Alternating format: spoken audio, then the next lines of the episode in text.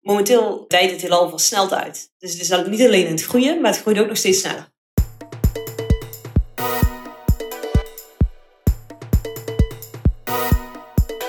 Ans Heckenberg. Zij is wetenschapsjournalist bij het magazine New Scientist. Zij studeerde natuurkunde en sterrenkunde aan de Radboud Universiteit in Nijmegen. Het leuke aan dit gesprek is dat we niet alleen hadden over het heelal en de bijzondere, bijzondere onderdelen daarvan, bijvoorbeeld zwarte gaten en spaghet, spaghettificering. Nou ja, je moet nog even luisteren wat, daar, wat ze daarmee bedoelt. We hadden ook een filosofisch eh, gesprek over wat onze rol als mens hierin is. Net als de vraag van wat zou jij doen als je moest kiezen tussen je partner of als eerste pionier, dus zonder je partner, op de planeet Mars te gaan wonen. Zoals altijd kun je de show notes van deze aflevering vinden op biohackingimpact.nl. Je kan deze podcast steunen via Patreon. En wat ik dit jaar nieuw ga doen, is van elke aflevering ook een 10 minuten exclusieve samenvatting vertellen. Dus ook audio. Uh, in mijn Patreon. Dus dat is alleen voor mensen die de podcast steunen. En dat kan eigenlijk al vanaf 1 euro per maand. En aan het einde van dit jaar ga ik kijken of, dat, uh, of ik dat zelf leuk vind. En of, uh, of jullie, de, de Patreon mensen die nu luisteren, zijn dat, of die dat ook leuk vinden. Tot slot, wil deze podcast steunen of mijn werk steunen, kan dat ook natuurlijk door mijn boek te bestellen. Ga daarvoor naar biohackingboek.nl.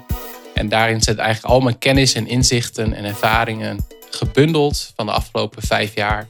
Het doen van persoonlijke experimenten, het geven, zelf geven van lezingen, maar ook het aanwezig zijn op uh, Biohacker Summits en eigenlijk andere, andere evenementen. En natuurlijk al die experts die ik heb geïnterviewd voor mijn YouTube-kanaal en ook voor deze podcast. En ga daarvoor naar biohackingboek.nl. Ans, als eerste vraag eigenlijk, wat is je favoriete planeet? Mijn favoriete planeet? Oh, ze zijn allemaal vrij cool. Uh, maar mijn favoriet is uh, Saturnus, denk ik. Uh, en dat is niet eigenlijk om de meest, ja, de meest voor de hand liggende re reden zou zijn dat hij prachtige ringen heeft. Maar hij heeft ook een heel interessante storm op een van zijn polen. Namelijk een hexagonale, dus een, is dat, hexa? Achtzijdig, zeszijdig? Oh, weet ik eigenlijk niet. Ik denk nee, acht. Ik zeidig. ja, ja is hier een storm in, zo'n figuur met van die vlakke vakken. Dat ziet er eigenlijk gewoon heel bizar uit. En dat is wel heel gaaf. Ja, en weet, weet, weet jij hoe dat dan kan? Ik weet eigenlijk niet hoe die storm is ontstaan. Nee. Nou, is Saturnus is wel sowieso een vrij onstuimige planeet. Waar ook uh, ja, flinke winden uh, over het oppervlakte razen. En waar sowieso een enorme storm is met een enorm oog ook. Wat ook te zien is. Uh, dus het is een, ja, een, een onstuimige planeet. Maar hoe nou precies die, die vlakke zijkanten van die storm ontstaan, dat durf ik niet te zeggen. Nee, maar is het dan ook zo dat die... Want als we op de aarde een storm hebben, dan hebben we een storm die duurt weet ik veel, een paar dagen of een week. En mm. daar is die stormen die jij noemt, die zijn gewoon altijd bezig. Of... Ja, ja, in principe wel inderdaad. Die kunnen gewoon een soort van never-ending story is het dan. Ja. Die gewoon ja, door kunnen razen zonder dat iets gaat stoppen. Mm. En wat zijn andere, uh, ja, voor jou, heb je, heb je een top drie van de meest fascinerende dingen aan planeten? top drie. Ehm, nou, die, die, de storm van Saturnus vind ik wel echt heel erg, die staat wel echt op nummer één. Ik denk dat de ringen dan ook wel vrij hoog staan, want dat is wel eigenlijk fascinerend om te weten dat die ringen die ontstaan omdat er iets in de buurt van die planeet is gekomen. En de uh, aantrekkingskracht van die planeet en de getijdenwerking en zo heeft dat, dat object wat in de buurt kwam uit elkaar getrokken. En eigenlijk is de puin daarvan, die vormt dan een ring om de planeet heen. En dat is eigenlijk best wel tof, want dat is gewoon enorm verwoestend en, en bizar dat dus zeg maar, stel een maan of zo in de buurt van een planeet komt, die kan gewoon uiteengereten worden en tot ring gemaakt worden. Dus dat is wel een vrij badass uh, ja, fenomeen in de ruimte. Ja. En nummer drie, joh. Um, even denken hoor. Hey, nou, er zijn heel veel interessante feiten over planeten te noemen. Ik vind Mercurius ook wel heel erg grappig. Mercurius is uh, de kleinste planeet in ons zonnestelsel. En waar zit die ongeveer? En die zit het dichtste bij de zon. Dus oh, dat is maar de eerste planeet vanaf de zon uh, naar buiten. Ja. Um, en uh, is de kleinste planeet. En wat wel interessant is, is dat Mercurius in de tijd dat hij bestaat best wel heftig gekrompen is. niet met een factor 2 of zo, maar wel gewoon enkele kilometers heeft hij ingeleverd op zijn grootte. En dat is ook echt op Mercurius te zien. En Mercurius ziet er eigenlijk een beetje uit als een gerimpeld oud mannetje. Omdat er zo van op het oppervlakte gewoon ja, barsten en rimpels zitten van het feit dat hij gewoon kleiner is geworden. Dat vind ik ook wel erg fascinerend. Hmm, ja. En um, want jij uh, vertelde, jij bent nu werkzaam als uh, wetenschapsjournalist voor New Scientist. En je hebt vroeger natuur, natuur, natuur en sterrenkunde gestudeerd. Ja, klopt. Um, en waar kwam, was je als klein kind uh, dat je al naar, naar de sterren keek? Of hoe is dat, was er een moment in je leven dat je daardoor geraakt werd? Ja, ik keek altijd wel al naar de sterren inderdaad. Mijn blik wel op, op boven. En voornamelijk ook gewoon zomeravonden in het gras liggen en naar boven kijken. Hopen dat je vallende ster kan zien.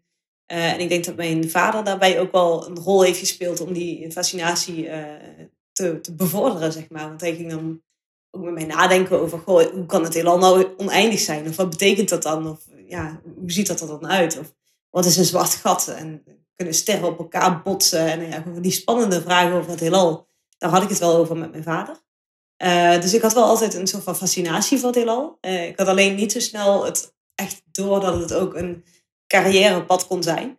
Uh, op de middelbare school was ik er niet op die manier mee bezig. Toen had ik echt zoiets van, nou ja, geen idee wat ik ga worden. Maar sterrenkunde was leuk. Maar ik had ook niet echt door dat dat ook gewoon een studiekeuze kon zijn. En gewoon mijn carrière, carrière kon gaan vormen. Um, eigenlijk pas een soort van profielkeuze ging maken. En dan heb je natuurlijk de vraag, ga je de alpha profielen in of ga je de beta profielen in? Uh, toen pas had ik een soort van moment dat ik dacht, hé, hey, ik zou dus beta kunnen doen. Weet je wat je daar ook kunt? Sterrenkunde, superleuk. dus het was eigenlijk, uh, duurde het een tijdje voordat ik door had dat het ook uh, ja, een studierichting kon zijn. Ja.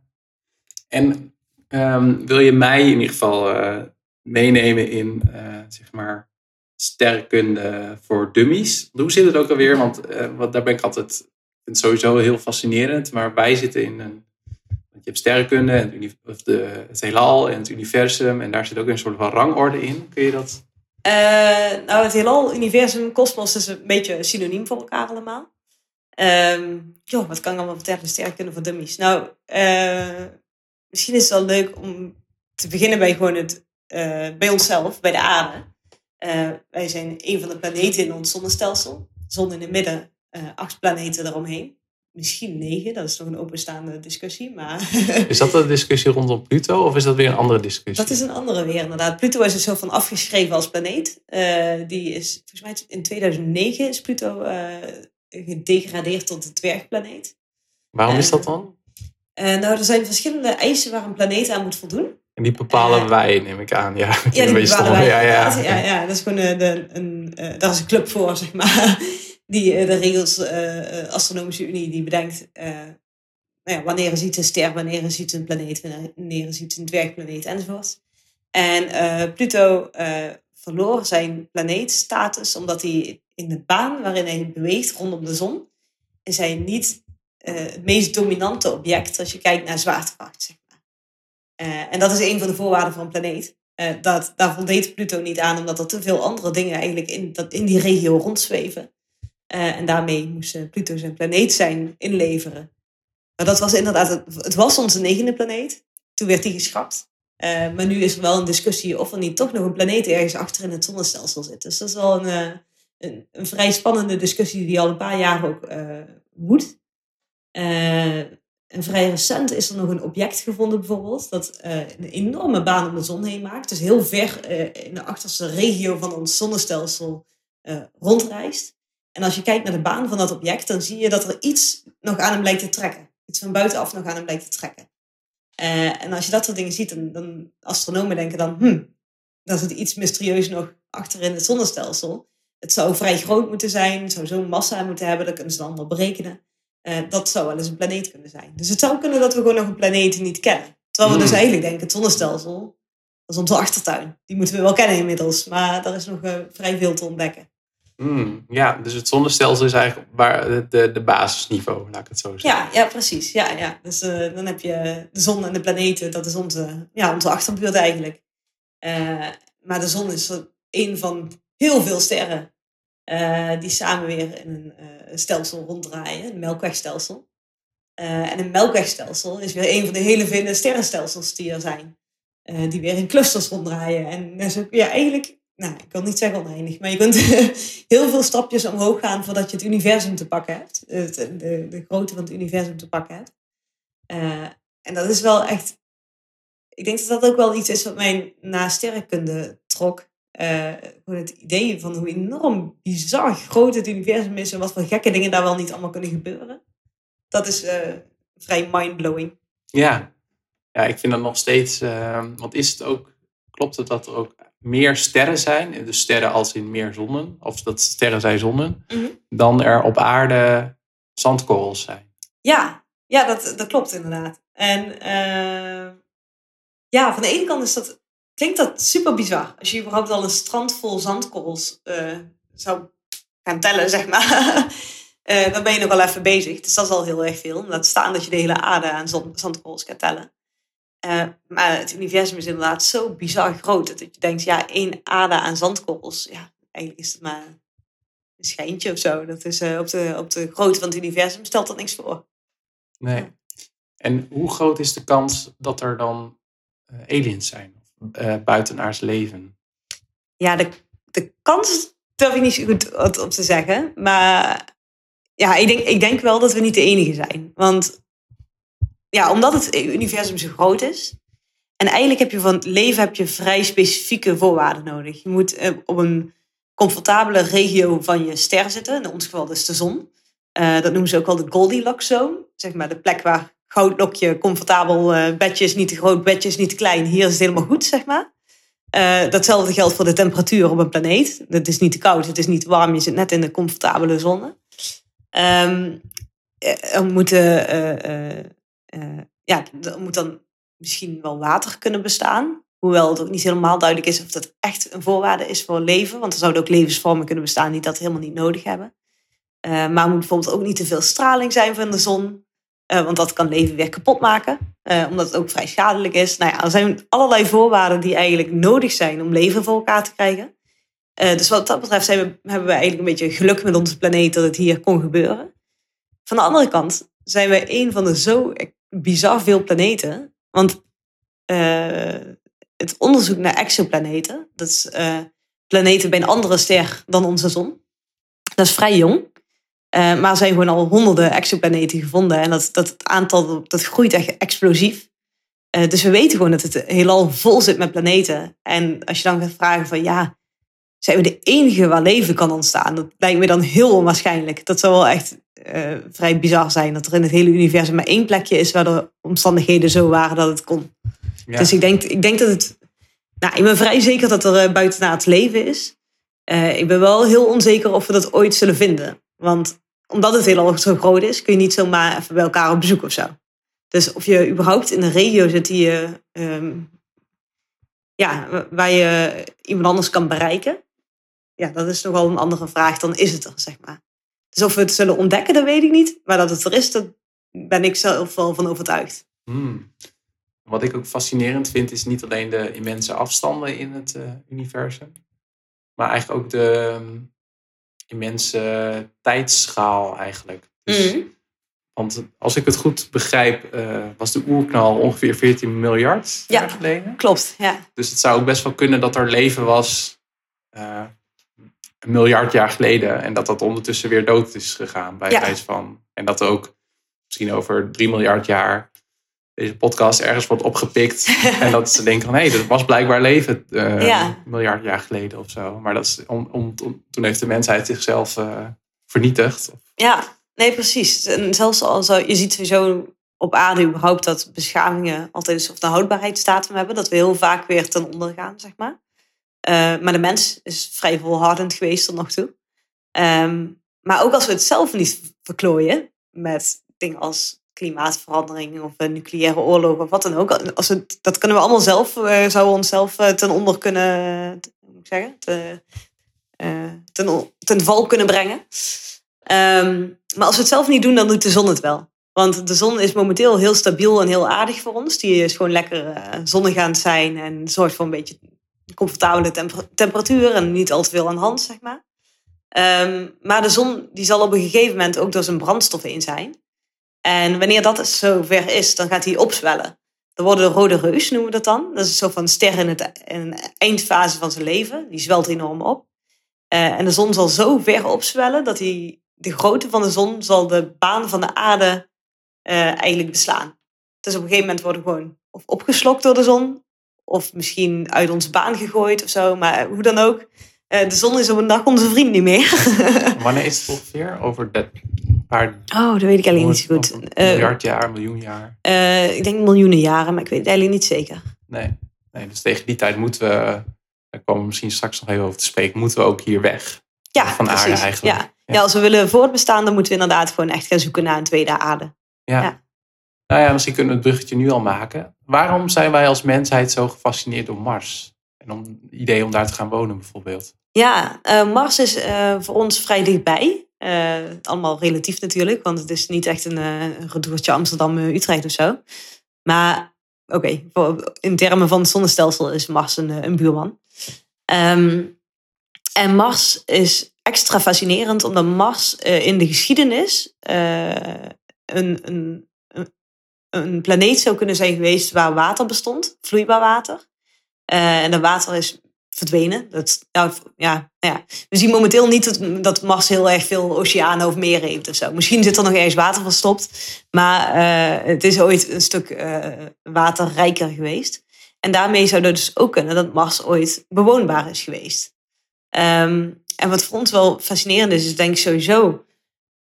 Eigenlijk kun je van de twee kanten kijken. Eén is van, goh, op zo'n planeet kun je daar nu nog wonen? Kun je daar nu voortbestaan? Het zal niet zo comfortabel zijn als de aarde, maar kunnen wij daar wel als, als, ja, als mensheid op, op zo'n type planeet blijven bestaan? Eh, en twee, we zijn gewoon heel nieuwsgierig naar wat is er met Mars gebeurd en hoe ontwikkelen planeten zich dus? Want hoe meer wij over planeten leren, hoe meer we over de aarde leren, maar ook hoe meer we leren over ja, misschien wel andere planeten waar we op een dag misschien wel kunnen komen. Ja, ja dus dat is een beetje de. Ik, vind, ik vond bijvoorbeeld ook. eh The Martian, vond ik echt een heel tof boek. De Ja, film was ook briljant was die, ja. wat- Helemaal mee eens. Wat, eh, wat zijn andere eh, ja, science fiction? Laat ik, laat ik beginnen met ruimteboeken, films die jij echt heel goed vindt. Ik vond Gravity vond ik heel erg tof. Ehm, da- daarin komt een astronaut volledig in de problemen, omdat er- wat gebeurt er ook alweer? Er, er slaat een stuk ruimtepuin in op het eh, station, volgens mij. Is dat die film met George Clooney ook? Ja, niet? klopt. En eh, Sandra Bullock, geloof ik, dat zij- de hoofdrol speelt. Ehm, ja, dat is ruimtepuin, slaat in op een eh, station. En vervolgens moet je dus moet je voorstellen dat je dan in je eentje achterblijft in de ruimte, want de rest is allemaal overleden, je collega's. En dan moet je je weg terug naar aarde vinden. Nou, dat is eigenlijk een vrij bizar idee. Want eh, hoe ga je in godsnaam die dampkring in eh, als je je spullen kapot zijn? Eh, zij gaat vervolgens, de astronauten gaat vervolgens van haar eigen station naar een Chinees ruimtestation. Want daar hangt nog een sonde aan waarmee ze naar de aarde kan. En het is eigenlijk het is een heel spectaculair, spectaculair en spannend verhaal. Dat je denkt, oh, het zou je maar overkomen of zo. het zal niet de gemiddelde burger zo snel overkomen. Maar je kunt je wel een beetje inleven in de angst van dat alleen zijn in de ruimte en in je eentje je weg terug moeten vinden. Eh, maar ik vind hem ook heel tof omdat hij gewoon vrij accuraat is. Het zou allemaal gewoon kunnen wat er in die film gebeurt. En dat vind ik gewoon heerlijk. Als je zo'n film kijkt en het is enorm spannend. Maar het klopt ook nog. Dat is wel extra tof gewoon. Mm. Ja. Ja. want er zijn ook wel eens. ehm, oh, nu laat een geheugen mij in, in de steek. Maar ook, ik, ik vind het zelf ook wel leuk om. Dat er bepaalde films zijn en dan zijn er ehm, eh, natuurkundigen of sterrenkundigen die daar dan zeggen van nou, dat, dat is een goede film, maar dat en dat klopt niet. Ja, Ik ja, komt even ja. geen voorbeeld bij me op. Misschien heb jij Ja. dat wel. Maar dat vind ik wel. eh, Ja, ik ben het wel met je eens dat als het ook echt klopt, dat het. eh, Ja, het heeft een extra charme. Ik vond het ook bijvoorbeeld bij Interstellar. Vond ik dat heel erg. Eh, daar heeft ook Kip Thorne, een eh, beroemde fysicus, heeft daar ook eh, als adviseur opgetreden.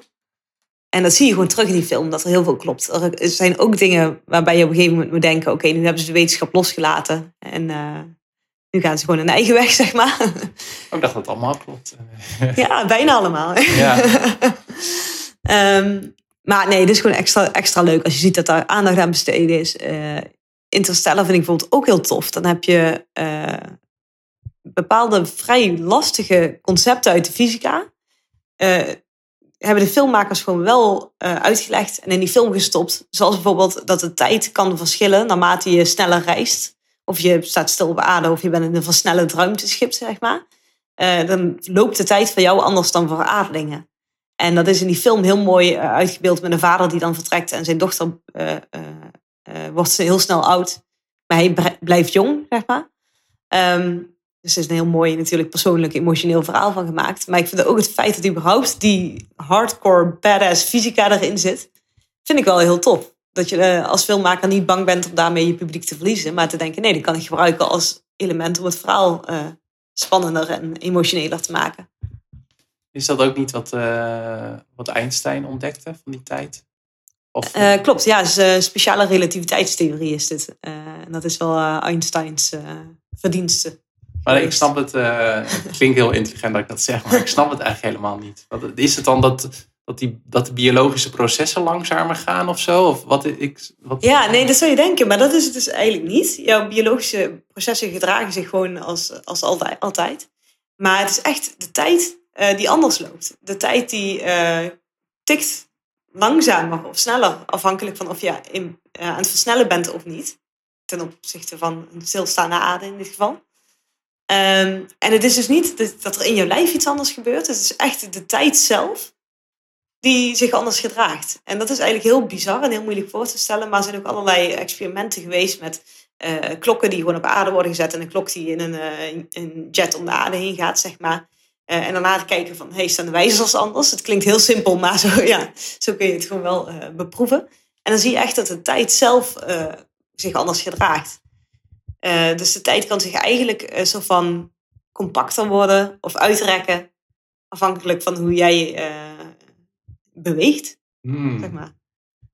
Zou je dan theoretisch ooit, om langer te leven, dat je dan voor eeuwig in een ruimteschip reist of zo? Ja, je zou denken, maar voor jou, gaat de tijd, voor jou lijkt de tijd normaal te verstrijken. Hmm. Dat is natuurlijk, daarom kan jouw biologische processen ook zich normaal blijven gedragen. Jij denkt dat jouw tijd gewoon zoals altijd geweest is. Uh, terwijl de personen op aarde denken dat de tijd altijd geweest is zoals zij het kennen, zeg maar. Uh, dus je, je, ervaart eigenlijk gewoon helemaal niks raars aan de tijd. Het is niet dat je opeens mensen sneller ziet lopen of zo, dat soort dingen.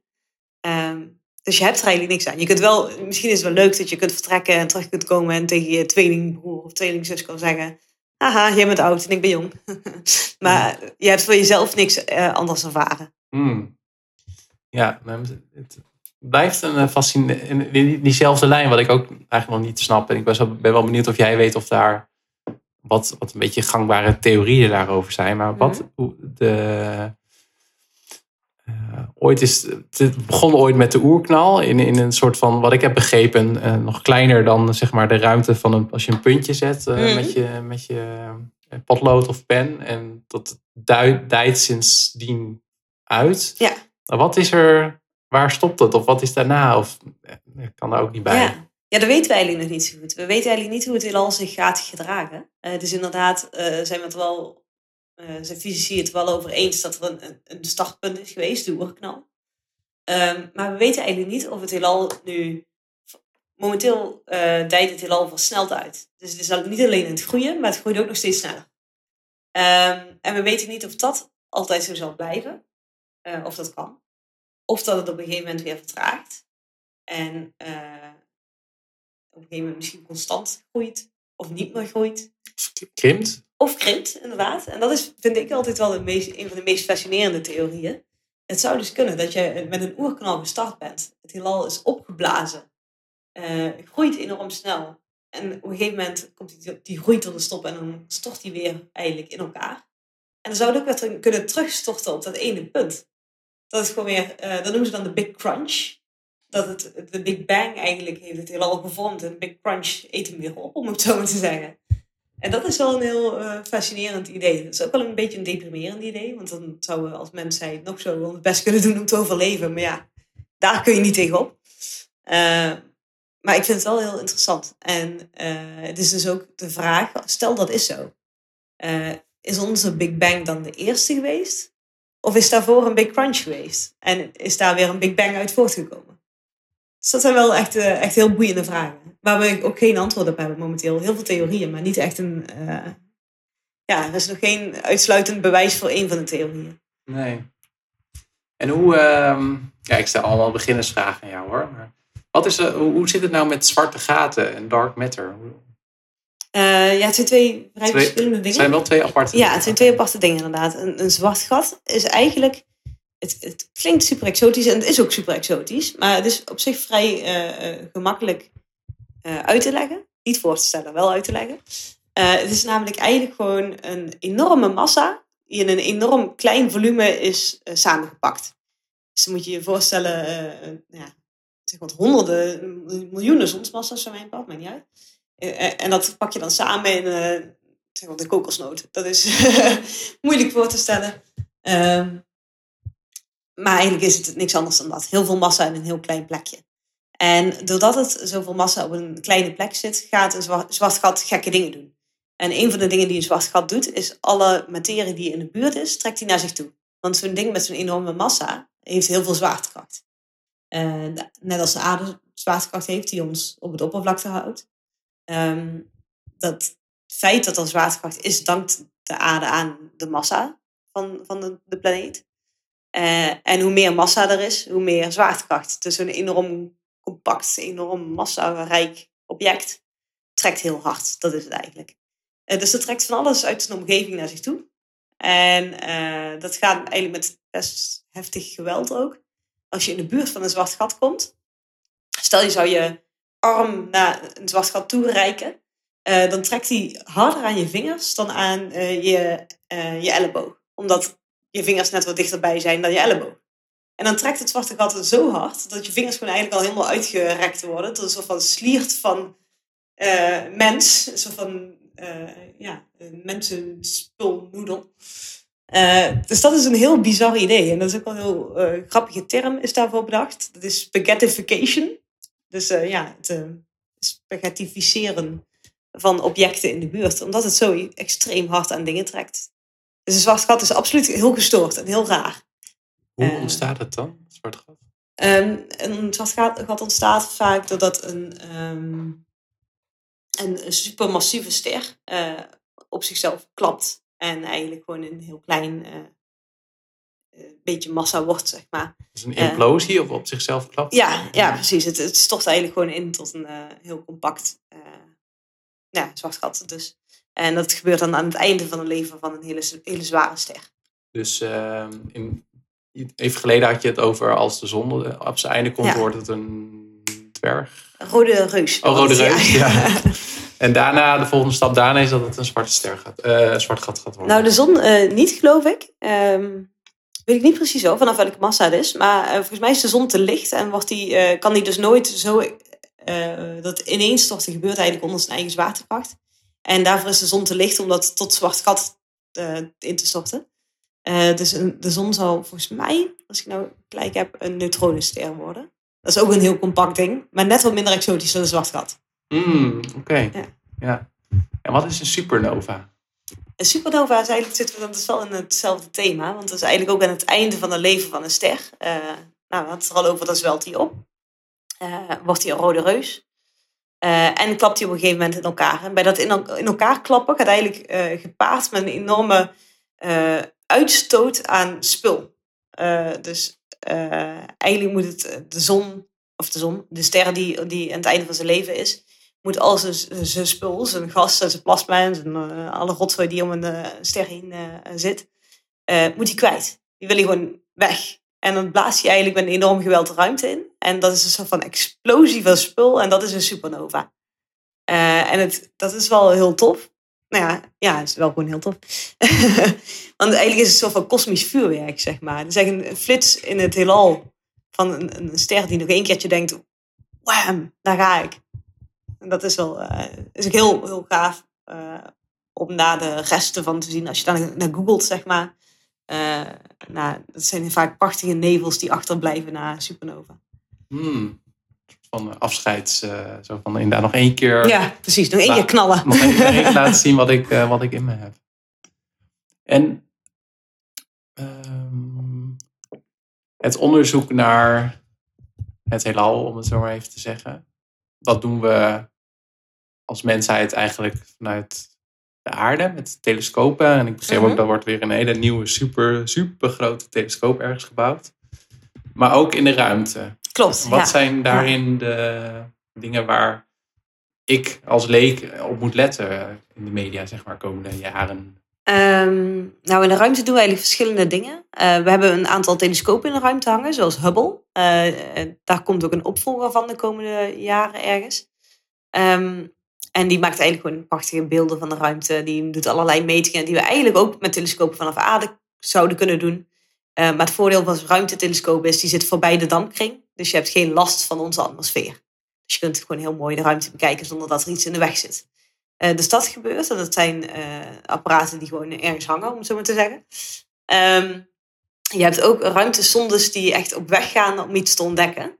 En eh, heel recent is er een ruimtesonde gelanceerd. Dat is eh, Baby Colombo heet die. Eh, die gaat op weg naar Mercurius. Dus dat die kleine planeet aan het binnenste van het zonnestelsel, die dus gekrompen is, dat, die, dat gekke ding. Daar gaat hij naartoe. Daar gaat hij zeven jaar over doen. Dus het is, even denken hoor, 2025 als die aankomt. Dus als je zegt, wat is er nou de komende jaren onder andere spannend? Nou, dat is wel spannend. Dat, dat, dat die zonde is op weg naar die planeet. Hij gaat er gewoon nog jaren over doen. Hij gaat nog een keertje voorbij aarde vliegen in die tijd. Hij gaat nog twee keer voorbij Venus vliegen. Eh, en komt dan een keertje aan bij Mercurius. Maar laat, mag ik je even onderbreken? Mm, zeker. Want dat is, klopt dat dan? Want dat is natuurlijk het grappige aan dat soort dingen.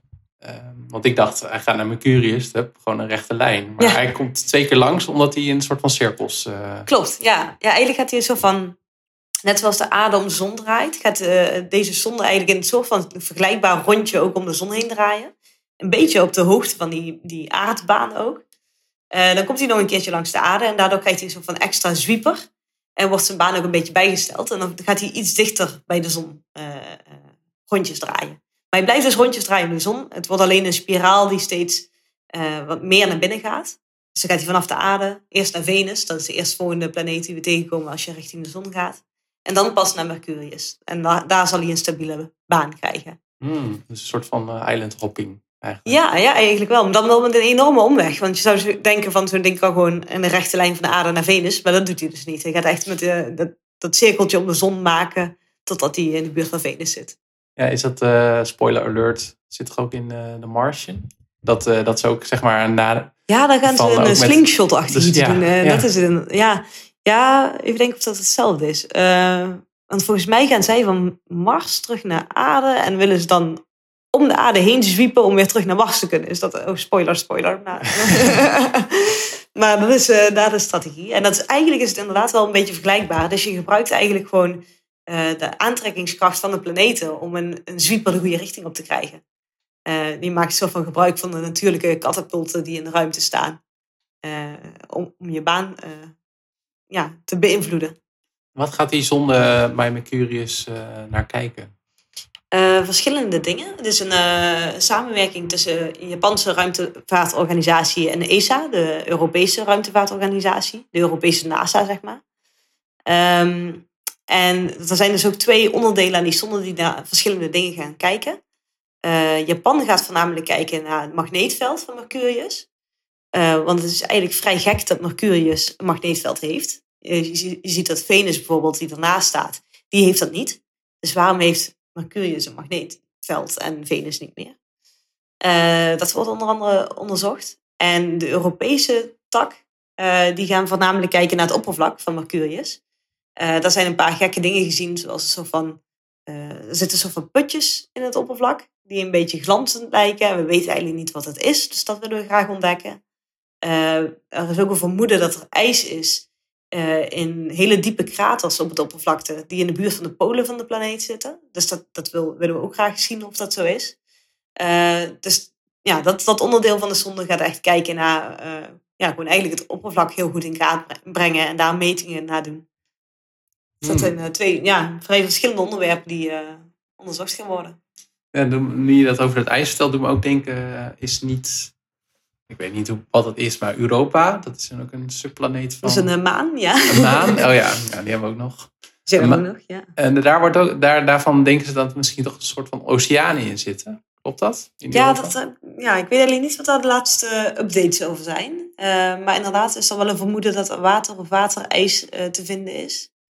weet eigenlijk niet of dat al duidelijk is of het nou zo is of niet. Dat zou ik niet over zeggen, wat de laatste updates waren. En waarom wij of jullie wetenschappers water zo tof vinden, is omdat het een belangrijk bouwsteen is voor leven? Of is het nog iets anders? Nou, dat, is, dat helpt zeker. Dat maakt het wel eh, een heel interessant eh, molecuul. Eh, maar sowieso is het ook wel interessant om überhaupt te zien of... ehm, nou, dat geldt wel meer voor nevels dan voor planeten. Maar ja, nou, het gaat een beetje met een omweg naartoe naar wat ik wil zeggen. Eh, wat ook wel heel interessant is, is namelijk dat we op sommige plekken in het heelal willen we graag weten of daar complexe moleculen zijn ontstaan. En complexe moleculen klinkt vrij complex. Maar eigenlijk zijn dat gewoon eh, samengestelde deeltjes. Zoals water bijvoorbeeld. Eh, water is H2O, is eh, opgebouwd uit waterstof en zuurstof. Eh, dat moet in elkaar gezet worden. Eh, waar in de ruimte kan dat allemaal en waar is dat niet gebeurd? Dat soort vragen hebben we ook wel. Dus dat is niet zozeer op planeten, want daar weten we dat het wel kan. Eh, maar bijvoorbeeld in nevels zijn we ook altijd wel benieuwd wat er allemaal rondhangt. En of je daar ook dat soort complexe eh, moleculen kunt maken. Hmm. Dus daarom is water ook een, een, een interessante. Maar er zijn ook bijvoorbeeld, ehm, ehm, kijken onderzoekers ook heel erg naar of ze eiwitten kunnen vinden. Eh, aminozuren, of dat soort, zeg maar, allemaal eigenlijk bouwstenen van leven, of die daar eigenlijk ook op andere plekken in het heelal kunnen zijn. Ja, dit verhaal sluit wel mooi aan bij een podcast die, eh, die ik recent heb gehad met Esther Tolen. Ze is een wetenschapsjournalist voor Nemo Kennislink. En ze heeft Mhm. een boek geschreven, Makers van Leven. Dat gaat inderdaad ook over welke moleculenmix moet aanwezig zijn. En hoe is, op, dat weten, weten wetenschap trouwens nog niet. Hè, van, hoe Nee, nee van niet leven leven is ontstaan. Maar precies. dat Ja. sluit wel mooi aan met wat jij nu eigenlijk Ja. Eh. En ehm, in de jaren 60, 70, 80 is de Voyager 2 gelanceerd, klopt dat? Klopt, eh En die is de 80 eer- geloof ik. Die is, Eh, de of eerste, 70. die is de Ja. eerste die nu ons zonnestelsel heeft verlaten, toch? Ja, ja, er zijn toen twee zondes gelanceerd. Voyager 1 en Voyager 2. Heel eh, originele namen. Eh, Voyager 1 is al een tijdje geleden, een paar jaar geleden, eh, lijkt hij het zonnestelsel verlaten te hebben. Of eigenlijk weten we vrij zeker dat hij het zonnestelsel verlaten heeft. En dat was de allereerste keer dat de mens buiten het zonnestelsel kwam. Dus dat, of de mens kwam dan niet, maar iets door de mens gemaakt dan. En zit daar ook eh, even tussendoor zo'n ehm, zo'n zo'n zo'n eh, zo'n munt in met allemaal tekens van aarde? Of is Klopt. Dat weer... Ja, oh, wel? ja, ja, ja, de. Golden Record is dat. Eh, ja, dat is eigenlijk een boodschap aan eh, aliens, om het zo even kort door de bocht te zeggen. Eh, toen de zondes werden gelanceerd, waren ze eigenlijk bedoeld om eh, naar de gasplaneten, het buitenste, eh, de buitenste regio zeg maar, van het zonnestelsel, te bekijken. En eh, nou ja, daarna zouden ze naar buiten vliegen. Het zou leuk zijn als dat lukt, maar we weten niet zeker of het, zo, of het gaat lukken. Nou, die dingen hebben eh, alle verwachtingen overtroffen, want ze, ze gaan nog steeds, zeg maar. Eh, en eh, nou ja, toen eigenlijk dat idee was van, goh, die zondes gaan gewoon misschien wel het zonnestelsel uit. Hebben ze al bij de lancering gezegd, ja, als daar een kans op is, misschien moeten we dan ook een boodschap erin stoppen. Dus dat is inderdaad een golden record, een, eigenlijk een eh, gouden plaat toegevoegd aan zowel de Voyager 1 als de Voyager 2. Met daarom een plaatje van de mens en een eh, vrij cryptische omschrijving over waar de, wat de positie van de aarde is. Eh, wat zit er nog meer op? Iets. eh, oh, ik weet niet meer goed wat de rest van de plaatjes zijn. Maar, Nee, ik dacht ook nog iets muzikaals of zo, maar... Ja, dat, dat is ook meegestuurd. Dat is, Oh. dat is niet, niet als plaatje, maar is inderdaad opname van allerlei eh, muziekstijlen. Klassieke Nou, muziek ook, geloof ik. Mm, ja. En volgens mij ook hallo of welkom of zoiets dergelijks in zoveel talen uitgesproken is ook meegestuurd. Dus er is van alles eh, in die boodschap toegevoegd. Ehm, met het idee van, nou ja, mocht er zoiets opgepikt worden, dan eh, hopen, hopen we dat eh, aliens kunnen snappen dat ze dan nou ja, in ieder geval dezelfde, ook dezelfde zintuigen hebben om te kunnen zien van, hé, hey, dat is interessant, het is gemaakt door iemand. Hmm. En klopt het? eh, en, wat is, een- en het bijzondere is dus dat... Want wat is er nu met Voyager 1 gebeurd? Ja, Voyager 1 is eigenlijk al het zonnestelsel uit. Dat is eh, Oh. een paar jaar geleden gebeurd. Eh, Voyager 2 is dus... Maar we hebben geen, weten niet waar die nu is. volgens wel? mij is er nog steeds contact met Voyager 1, als ik het goed heb. Hmm. Dus ja, die, die is nu gewoon ergens in de... Het, het spectaculaire is dat als je het, het zonnestelsel uit bent, ben je eigenlijk buiten de invloed van de zon. Want de zon heeft een enorme bubbel om zich heen van straling. Eh, waar eigenlijk de zonnestraling dus eh, dominant is, om het zo maar te zeggen. Dus de meest eh, opvallende straling in dat gebied is de zonnestraling. En wat voor andere straling heb je dan nog? Andere kosmische straling van, zeg maar, buiten het zonnestelsel. Van andere sterren. ja, dat soort zaken. En, en Voyager 1 hebben we op een gegeven moment gezien dat een, ehm, de straling van buiten het zonnestelsel steeds meer toenam. Dus toen wisten we eigenlijk van, hé, hey, hij zit niet meer in het gebied wat beschermd wordt door die bubbel van de zon, zeg maar.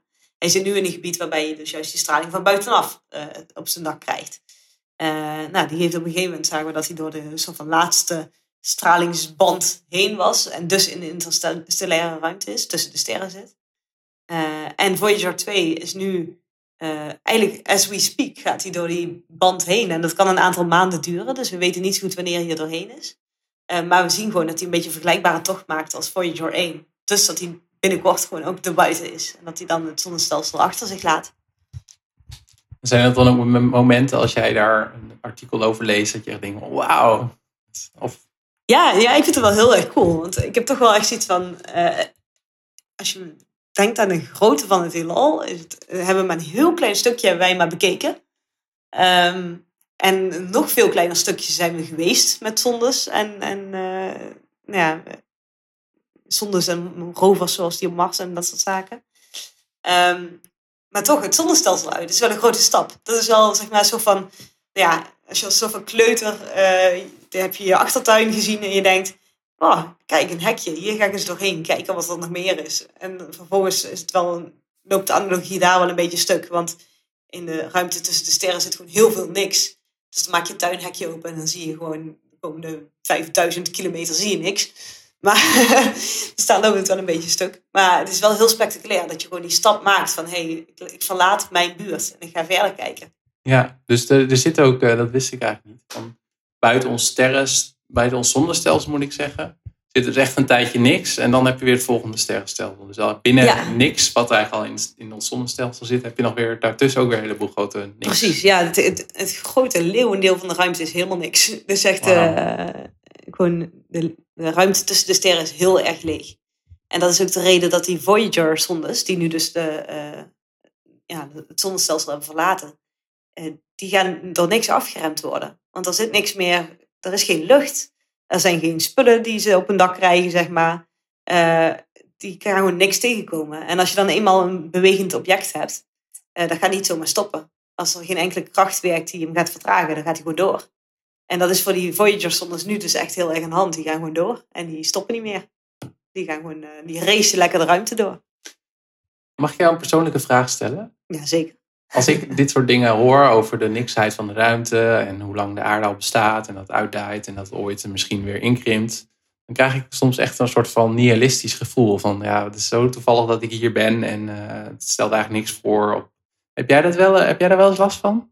Uh, ja, ik denk dat het gevoel, oké, dat gaat super deprimerend klinken, maar ik denk dat dat terecht is. we stellen eigenlijk niks voor op de leeftijd van de kosmos, maar ook op de grootte van de kosmos. Uh, ja, zijn we eigenlijk gewoon nog geen speldenprik, zeg maar. Dus we zijn vrij relevant. Um, en dat kan ja, best wel een beetje uh, deprimerend klinken, of dat kan best wel een beetje deprimeren ook eigenlijk gewoon. Uh, maar van de andere kant, ja, ja persoonlijk leef ik mijn leven niet om in de kosmos belangrijk te zijn, zeg maar. Uh, dat schat ik mijn kansen vrij klein dat dat, dat, dat zo zou zijn.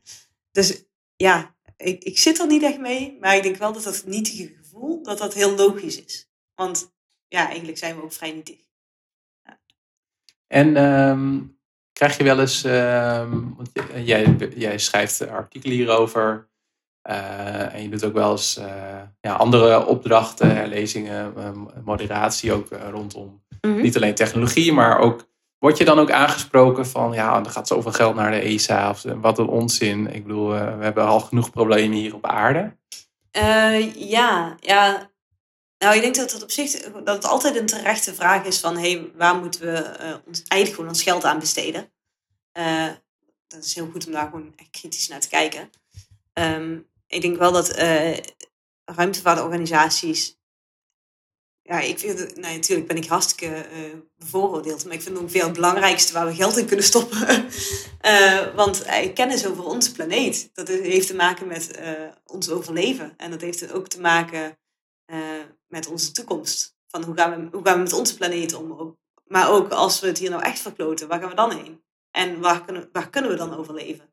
Dus het heeft heel direct te maken met uh, eigenlijk het welzijn van de mens. Um, en daarnaast vind ik het eigenlijk, is er niks cooler dan het feit dat een mens toch op een punt is gekomen waarbij je kennis wilt vergaren voor het hebben van kennis. Dat die nieuwsgierigheid, gewoon om, die vragen te beantwoorden, eh, dat die zo leeft. En dat we ook gewoon in een soort van luxe positie zijn. Dat we niet alleen maar druk hoeven te maken over overleven, zeg maar. Van uh, nou, wat eet ik vandaag en waar slaap ik vannacht. Uh, maar we hebben ook de luxe om na te denken over hoe, hoe zijn we ontstaan. En wat is er dan out there, zeg maar. En dat vind ik eigenlijk ook wel een enorm mooi voorrecht. Waarvan ik denk, oh, daar moeten we ook echt op inzetten. Want hoe tof is het dat wij onze kennis kunnen vergroten. En dat we gewoon uit nieuwsgierigheid dingen kunnen leren. Ja, mooi antwoord. En hoe, een beetje in die lijn van um, um, die zonden zijn zeg maar onbemande uh, spaceships. Mm. Laat ik even beginnen met zeg maar uh, de initiatieven van overheden om, om de ruimte in te gaan. Ja. Dus de laatste tijd wel veel gedoe rond de ISS. Een mislukte lancering. er was volgens mij iets, een soort van sabotage gepleegd. Ja, nou, dat, of het sabotage was, dat weten we nog niet. Maar er, okay. er zat een gat in het ISS. Ja. Um, en dat bleek een boorgat te zijn. Dus het was wel vrij bizar. Uh, I6 is het ruimtestation, dat uh, hangt boven de aarde, uh, draait rondjes boven de aarde. Al ook een tijdje, toch? ja, echt al jarenlang. En nou ja, hopelijk nog veel, vele jaren te komen. Maar dat is nu wel een beetje spannend. Want oké, okay, dat gat was nog niet zo'n big deal. Dat denken, we, denken ze dat het een productiefout was. is heel erg stom en heel erg vervelend, maar kan gebeuren. Hè? ja, je wil geen gat in je ruimtestation. maar in principe was niemand direct in levensgevaar en is het gewoon allemaal goed opgelost. Uh, misschien zeg ik het nu en blijkt over een week dat er echt een enorme, uh, dat wel sabotage was en weet ik wat, dat er een astronaut de, het ruimtestation naar beneden wil, wilde brengen. Maar laten we ervan uitgaan dat het uh, gewoon een productiefoutje was. Um, maar recent is er ook inderdaad een lancering mislukt van een Russische raket die in nieuwe lading astronauten naar het ISS zou moeten brengen. Uh, er was iets mis met de boosters van die raket. Dus ze moesten een noodlanding maken. En dat is in principe ook wel goed gegaan. Astronauten waren ongedeerd en zo. Uh, maar dat is wel balen. Want daardoor heb je nu geen nieuwe lichting astronauten in het ISS. En de mensen die er zitten. Uh, zijn volgens mij nu drie astronauten die er zijn momenteel. Die hebben nu een keuze. van gaan we terug naar de aarde met die capsule waar dat gat in zit. wel gerepareerd en zo. Maar ja, toch, er zit een gat in. Gat in. Of gaan we blijven, maar moeten we dus onze uh, verblijf verlengen, want er is nog geen nieuwe lichting om ons af te lossen. Uh, en dat is eigenlijk wel, uh, ja, het is een heel interessante vraag. Want als ze vertrekken, dan blijft het ISS onbeheerd achter. En dat zou geen goed nieuws zijn, want het is wel een ding wat al jaren en jaren meegaat. Dus het is een vrij oud beestje en het heeft vrij veel onderhoud nodig. Mm. Dus als er niemand is om het een beetje ja, op te lappen wanneer het nodig is, zou dat wel eens echt uh, een behoorlijke impact kunnen hebben op de toekomst van het ruimtestation. Dat zou ik wel echt verschrikkelijk jammer vinden, want ik vind het echt een heel mooi voorbeeld waarbij echt uh, ja, verschillende landen echt de handen ineen hebben geslagen om te zeggen, kom, we vinden onderzoek belangrijker dan ja, of je Amerikaan bent of Rus of Nederlander of, uh, of Duitser of Franse man, zeg maar. Um, dus ik vind het zo'n mooi initiatief. En ik hoop heel erg dat hij het eh, gaat, gaat overleven de komende tijd, laat ik het zo zeggen. Ja, ja nou, deze podcast komt, uh, komt waarschijnlijk in januari uit. Misschien weten we dan, dan uh, weten we meer, weten we meer over. En uh, dus ik, je zegt wel mooi van samenwerken en dat geloof ik ook wel. Maar aan de andere kant zie je ook wel een soort van wapenbed lopen. En zijn volgens mij landen ja. ook bezig met dingen op, op de maan te claimen. Of op mm. Mars heb ik laatst al een stukje over gelezen. en waar ik ook over laatst over last van. Er zijn bepaalde metalen die op aarde best wel zeldzaam en moeilijk zijn. En dan heb je bedrijven die richten zich op asteroid mining. Dus we gaan ja, op een ja, asteroïde ja. gaan we al die dingen delven en terugbrengen. Dus daar komt ook allemaal macht en, en, en strijd misschien. Ja. Hoe denk je dat we in de toekomst ook... Uh, ja, wat voor, nee, laat ik zo zeggen, wat, wat zie je daarin? Of wat verwacht je? Ja, en uh, ik denk dat altijd... Ik, ik ben misschien uh, optimistisch tot naïef over sommige dingen. Uh, dat ik hoop dat uh, in ieder geval de wetenschappers, die zijn er om de, om de wetenschap gewoon de tofste dingen te doen. En daar is ook trouwens van alles over te zeggen hoor. Want wetenschappers willen ook wel heel graag de eerste zijn die iets kunnen claimen en dat soort zaken. Maar in principe hebben we een, een gemeenschappelijk doel. En dat is kennis vergroten, experimenten uitvoeren. Uh, nou ja, en daar ook echt gewoon van samen te werken. Dat moet ook wel. Als je, ehm, ja, bijvoorbeeld er is nu ook vrij recent uh, een uh, zonde naar een planetoïde gegaan. En daar is op geland, zeg maar. Zijn nu drie, drie, denk ik, rovertjes aan het rondspringen. Um, nou, dat is een Chinese zonde, maar er zit een Europees project bij. Dus je hebt elkaar ook een beetje nodig. van, jij hebt de zondes, ik heb de, de meetapparatuur, of jij hebt de raket om te lanceren, ik heb de bemanning, nou ja, dat soort zaken. dat dwingt wel een beetje samenwerking af. Van de andere kant, als, we het, als het commerciëler wordt, wat wel het geval is, je ziet ook dat de uh, organisaties als SpaceX werken aan uh, raketten om mensen de ruimte in te brengen. Um, en naarmate het commerciëler wordt, nodigt dat natuurlijk ook uit om meer te denken over ja, wie verdient hier geld mee en wie krijgt hier macht mee. En ik denk dat dat een ontwikkeling is die ook misschien niet te vermijden is, die niet positief is, maar die, ja, ik vrees wel dat dat een soort van is hoe de mens functioneert. En de ruimte was heel lang het uh, uh, territorium van wetenschappers die dat uit. was natuurlijk ook de space race en zo, dus daar was ook allemaal strijd om als eerste te zijn. Um, ja, maar het was al vrij lang het territorium van gedeelde wetenschappen. En het zou wel eens kunnen veranderen dat het gewoon commerciëler wordt en dat er meer financiële belangen bij komen. Ja, maar en, en, uh, en je hebt op, op, op, op landniveau of natieniveau heb je nog wel een soort van de space race tussen uh, Rusland, Amerika en China komt volgens mhm. mij ook op. Ja. En welke rol heeft, heeft, uh, heeft Europa daarbinnen? Je noemde net die, dat die samenwerken met Japan. ja, ja, klopt. Um, ja, Europa heeft ESA, de Europese Ruimtevaartorganisatie. En die proberen natuurlijk ook in van alles de eerste te zijn, en terecht. Um, maar ik, ik, denk dat landen als China en uh, Amerika meer in staat zijn om bijvoorbeeld zondes. Nee, dat zeg ik eigenlijk niet goed. Dat is niet waar. ESA doet dat ook.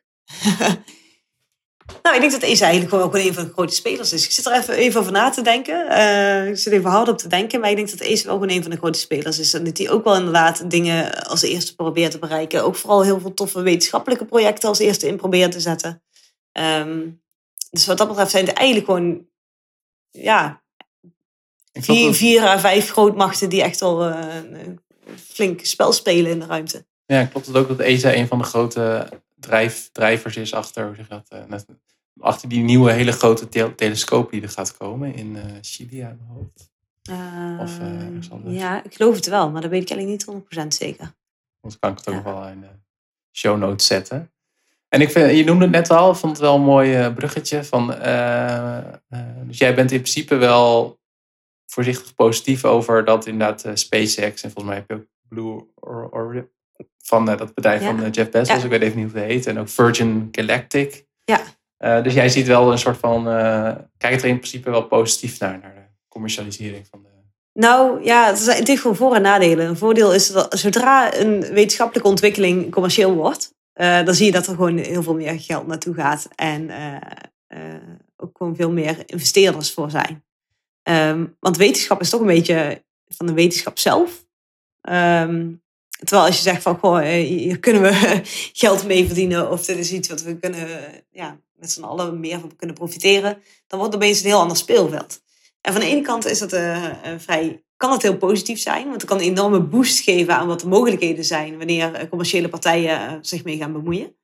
Uh, van de andere kant heb je natuurlijk het risico dat als commerciële partijen zich gaan bemoeien met ruimtevaart, dat ze dan ook hun eigen belangen meenemen. En dat het dan misschien niet meer altijd de wetenschappelijke agenda voorop staat. Dus het is wel, ja, ik zie voor's en tegens. Maar ik denk wel dat het een ontwikkeling is die vrij natuurlijk is. En die ook in elke andere wetenschappelijke doorbraak eigenlijk wel ziet gebeuren. Uh, eerst is het van de wetenschap, daarna is het van iedereen. En dan gebeuren er ook hele toffe dingen mee. Weet je? De, de high-tech ontwikkelingen van allerlei doorbraken is ook voor een groot deel te danken aan de industrie.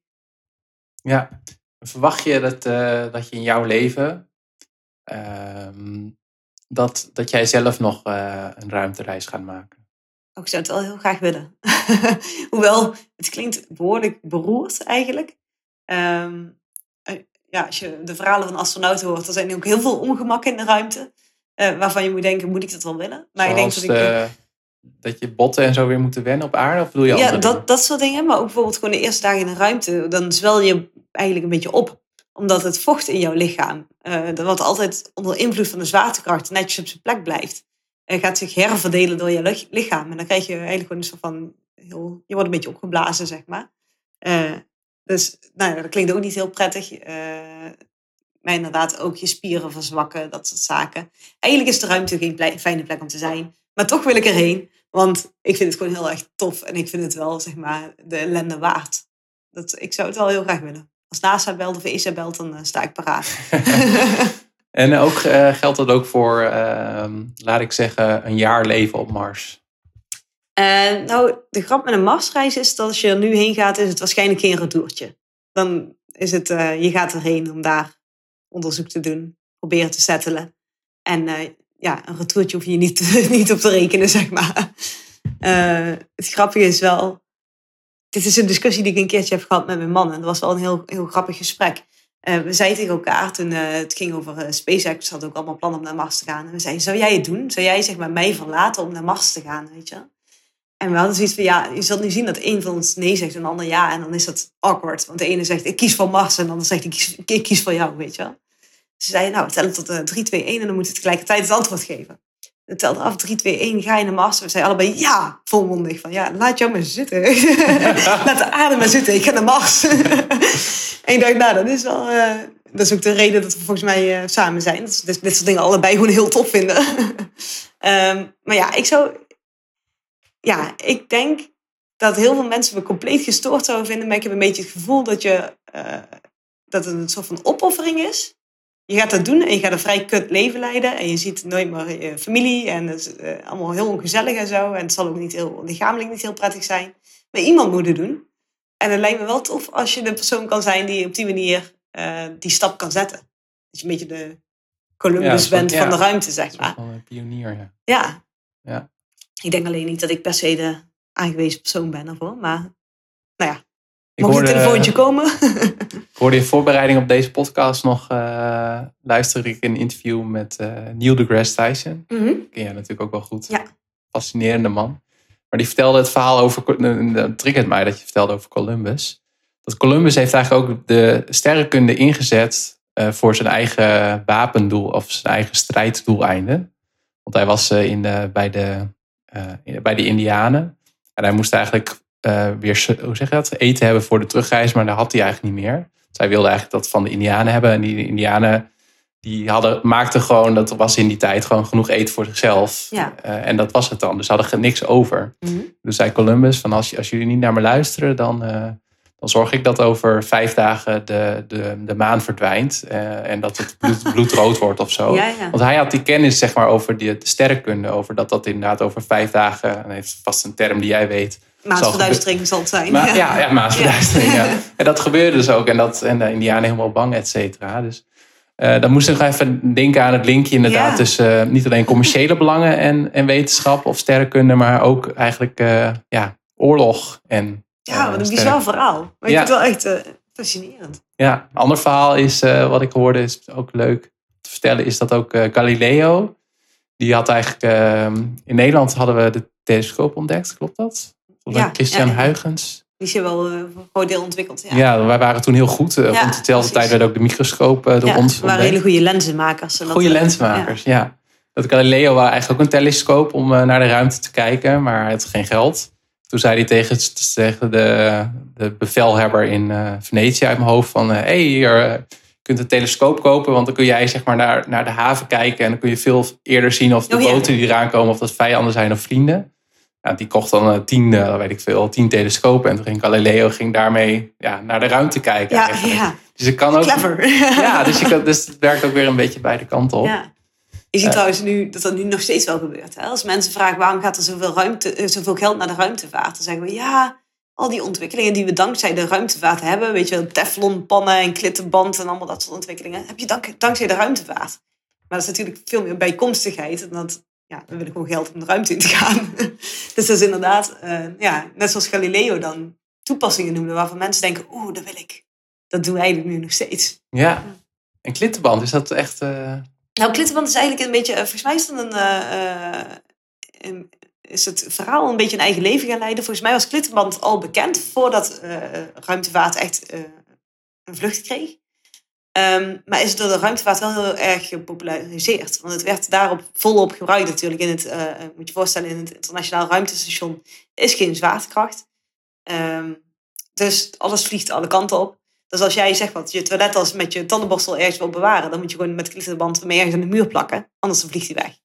Dus klittenband is wel heel erg populairder geworden. eh, door, doordat het eh, ja, die toepassing ook kreeg. Maar volgens mij bestond het wel al voordat we de ruimte ingingen. Ja, het is wel een mooi voorbeeld van eigenlijk een best wel... Ik denk dan van, eh, misschien gingen ze toen kijken naar hele geavanceerde magneetconstructies. Maar Ja, ja, klittenband. klittenband. Dat Ja. werkt gewoon, ja. ja, precies. En waar ik ook nog aan moest denken is, jij vertelde eigenlijk over, eigenlijk is de ruimte helemaal niet geschikt voor ons als mens. Want we zijn hier geëvalueerd met Ja. zwaartekracht en met seizoenen en met de, met zon en zo. Dat ik echt, eh, deze film raad ik niet aan, want het is echt een hele slechte film. Maar eh, de film Titan, die is op Netflix en ik ben er halverwege mee gestopt. Maar ik vond het concept heel interessant. Want het ging erover dat ze een groep proefpersonen, die zouden dan naar Mars of Europa gaan of zo. De, de maan Europa. En die werden dan ook met een, dat is een andere ja, hobby tussen aanhalingstekens van mij, die werden genetisch gemodificeerd om beter Ja. tegen de omstandigheden in de ruimte te kunnen. Eh, Ja. Want eigenlijk zijn onze benen en zo is het ook allemaal niet geschikt voor de ruimte. Nee. nee, of je moet inderdaad een planeet vinden die een beetje vergelijkbare zwaartekracht heeft met de aarde. Ja. Dat zou natuurlijk kunnen. Maar dan moet er wel eerst komen. En dan, eh ja, de ruimtereis zelf zal ook zijn ongemakken met zich meebrengen. Ja. En ook als we als mens bewijs van blijven zoals we nu blijven, dat we Een jaartje of tachtig worden, dan z- kunnen we toch in deze staat ook nooit echt intergalactisch reizen. Nee, nee, inderdaad. Ja, nou dat zou kunnen, maar dan moet je eh, echt, hoe noemen ze dat ook weer? Een generation ship volgens mij. Het idee dat je dan mensen de ruimte instuurt en dat ergens de zoveelste generatie daarna, die zal aankomen, zeg maar. Dus je gaat met een groot genoeg reis, groot genoeg groep op pad. Ehm, dat je gewoon baby's kan maken en die kunt opvoeden en eh, kunt zeggen, nou, je bent onderweg hier naartoe, eh, succes ermee. En die kunnen doorgeven op, aan hun kinderen en aan hun kinderen. En nou ja, ooit komt er een generatie aan. Dat is wel eens een eh, idee wat geopperd is. Wat wel gewoon heel bizar is natuurlijk. ik weet niet echt of dat een haalbaar idee is. Ehm, maar ja, dat is inderdaad in 80 jaar komen we gewoon nergens. Dat, Ja. Zijn we gewoon nog niet... Ja, het is gewoon een heel klein stukje wat je dan maar kan reizen. Ja. De, ehm, hoe heet dat? Ik Doe, doe, ik ga weer denken aan twee science fiction referenties. Eén is van eh, In The Expanse. Ik, ik weet niet of je dat kent. Nee. Dat vind ik wel een hele goede serie eigenlijk over, niet heel erg in de toekomst, maar over 200, 300 jaar. Dat een deel van ons op Mars leeft, een deel in de asteroïdenbelt. Mhm. Eh, daar zit, komt inderdaad ook een eh, Generation Ship in voor. En er is ook een Netflix-serie. Maar daar ben ik na één aflevering ook mee gestopt, dus ik weet niet. Maar die gaat ook, o- en dat is op zich wel een grappig concept. Want dan zie je techno, zeg maar, in die film technologie uit de jaren 70 of 60. Ja. Eh, want dat gaat dan over dat er inderdaad al een tweede of derde generatie is. En daar, die, die, die zit ook heel erg met dat eh, soort van, ja, ehm, wat misschien ook eh, koning Willem, het is een beetje een gekke vergelijking, maar weet je wat koning Willem-Alexander ook heeft? Van ja, ik ben nu geboren en nu moet ik koning worden. Ja, Hetzelfde je weet lijkt al waar je voor bent. Ja, je weet wat je doel is vanaf het Ja. moment dat je er bent. Ja, dat is echt inderdaad... Dat lijkt me ook heel, heel vreemd, want als je daar geen zin in hebt. Maar ja, van de andere kant, wij worden op aarde geboren en vinden het doodnormaal dat we op aarde zijn. Als je in een ruimteschip schip geboren wordt, vind je misschien wel doodnormaal dat je op een ruimteschip leeft. Want je hebt nooit iets anders gekend. Dat is wel- trouwens wel een van de grootste bezwaren van de film Interstellar, die ik eerder noemde. Vond ik heel frustrerend. In die hele, hele schip zeg maar, is een plan B. En plan B is als het allemaal niet gaat lukken, dan is er nog altijd eh, één vrouwelijke astronaut eh, bij. En die kan, er zijn ingevroren eitjes volgens mij aan boord van het schip. Die zouden dus een eitje kunnen in, hoe noem je dat? Insemineren. Ja, precies. ja, die die zou de nieuwe generatie mensen kunnen maken. Want die eitjes zijn met genoeg genetische variatie en zo. Dat je weer een nieuwe mensheid ergens kunt stichten. En dat vond ik zo frustrerend in die film. Want het hele ruimteschip zit vol met mannen en één vrouw. En dan denk ik, waarom zou je dan niet alleen vrouwen de ruimte insturen? Want laten we even praktisch zijn. Ze sturen nu één baarmoeder naar boven. Dat is helemaal niet praktisch. Als dit je plan B is, ga je toch met alleen maar vrouwen? Just in case er iets met eentje gebeurt. Ik vond dat zo raar. Ik vond dat echt een enorme pothol. Ja, echt wel heel goed. Je kan beter, denk ik, bevroren sperma meesturen, bij wijze van. En allemaal vrouwen. Ja, nou dan zou je nog een probleem hebben, Oh. hebben dat je weinig gen- genetische variatie hebt. Want dan gebruik je alleen de genetische, eh, de helft dat telkens van dezelfde vrouwen. Hmm. Dus eigenlijk wil je al reeds bev- bevruchte eitjes van allerlei verschillende mensen dan gewoon in een baarmoeder kunnen plaatsen en uit laten komen, zeg maar. Hoe noem je dat? Uit, dat, is een beetje, dat klinkt een beetje kippig, maar... Ja, ik snap wat je bedoelt, ja. maar ja, En uh, op deze lijn door, doorgaand, uh, misschien aanvulling hierop of misschien ook wel andere ideeën. Mijn podcast gaat echt over ja, de toekomst van de mens, biohacking, et cetera. Mhm. hoe, hoe, kijk je daarnaar in algemene zin? Positief, negatief? Uh, nou, in algemene zin positief. Ik denk dat wij een soort van de natuurlijke evolutie wel een beetje ja, niet helemaal achter ons hebben hoor. Die gebeurt nog steeds, daar niet van. Maar we zijn wel in zo'n status beland dat wij allerlei ongemakken uh, die, wij, die aangeboren worden, die kunnen wij handelen, zeg maar. We kunnen het repareren.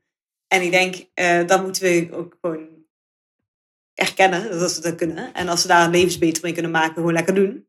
Uh, want ja, we kunnen niet echt terug naar het alternatief. Dat mensen die met bepaalde situaties geboren worden, die we in principe zouden kunnen repareren, gewoon dood laten gaan en evolutiegang laten spelen. Want dat, dat zijn we gewoon aan voorbij, zeg maar.